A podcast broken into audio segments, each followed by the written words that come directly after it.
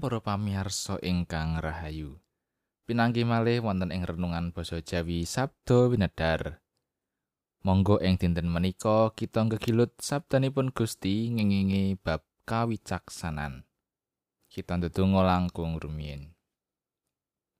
Duh Gusti Allah sumbering pepadang. Kawula ngaturaken panuwun awit berkah pangrimat saking paduka dumateng kawula ing saben dintenipun. Ing wekdal menika mugi paduka paring pepadang wonten ing manah kawula.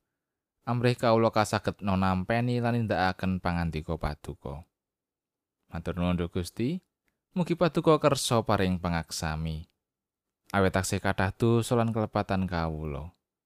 Sedaya pandonga lan panyuwunan menika kawula unjukaken linambaran asmanipun Gusti kawula Gusti Yesus Kristus. Amin. Wawasan kapendet saking wulang bebasan bab setunggal ayat setunggal ngantos pitu. Wulang bebasan utawi Amsal bab setunggal ayat setunggal ngantos pitu. Wulang bebasan anggitane Prabu Sulaiman putrane Prabu Dawud ratu ing Israel. Kanggo nyumurupi kawicaksanan lan pamerdi supaya mangerti marang tembung-tembung kang ana maknane. Kanggo nampani pamerdi kang marakake pinter.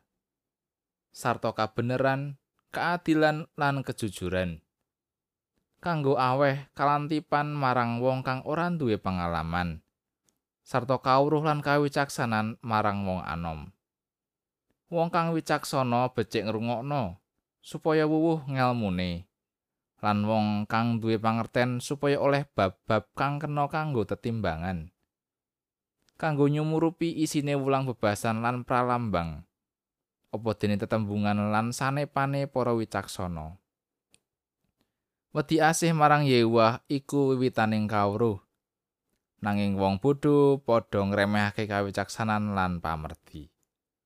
Makatan pangandikanipun Gusti, etnat saking ayat gangsal. Wong kang wicaksana becik ngrungokno supaya wuwuh ngelmune lan wong kang duwe pangerten supaya oleh bab-bab kang kena kanggo tetimbangan. Gesang wicaksana. Limrahipun kula lan panjenengan hormat dhateng tetiyang ingkang kita anggap inggil ing kawruh lan ngelmunipun. Tetiyang wau mbuktekaken kawicaksananipun. Pramila menika supados kinurmatan, kitab ulang bebasan memulang saben tiyang ngudiya kawicaksanan. Tiang ingkang wicaksana menika tiang ingkang ajri asih dhateng Allah tansah memuji ngluhuraken Allah ingkang kebak ing panguwaos lan kaluhuran.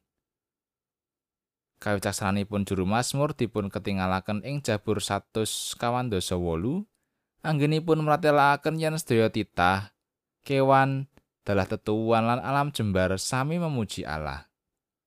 Sedaya titah sami anggadhahi pangraos lan nalar wonten panguwasa ingkang linangkung inggih menika Gusti Allah. Lumampah ing taun ingkang anyar, gesang kanthi wicaksana menika wigatos sanget. Keng menapa? Jalaran ing satengahing persaingan global menika, kita dipun kupengi dening titiang ingkang wawetakanipun beda-beda. Serat Yakobus bab 3 nggambaraken wonten tetiang ingkang kumeren. Wonten ingkang egois namung bujeng kapentingan dirinipun piyambak wonten ugi ingkang watak gumunggung lan sapanunggalanipun. Sikap ingkang mekaten namung datengaken cerah tapi saking karukunan damel kapitunaning liyan lan risa ing tatanan alam jembar menika. Kita sami gadah pangajab lumampahing tata rukun ing bebrayan agung ing brayat kita ing gereja kita ing masyarakat lan bangsa kita. Kangge mujudaken endahing bebrayan agung ing satengahing maneka warni watak wantunipun manungsa, mila perlu sanget andar beni watak wicaksana peparingipun Gusti. Kadosta, demen rukun, lembah manah, bangun turut, demen antum berkah lan kawelasan. Gesangudi mangertosi kersanipun Gusti, mboten namung rubuh-rubuh gedang, nanging mandiri ing kawicaksanan. Amin.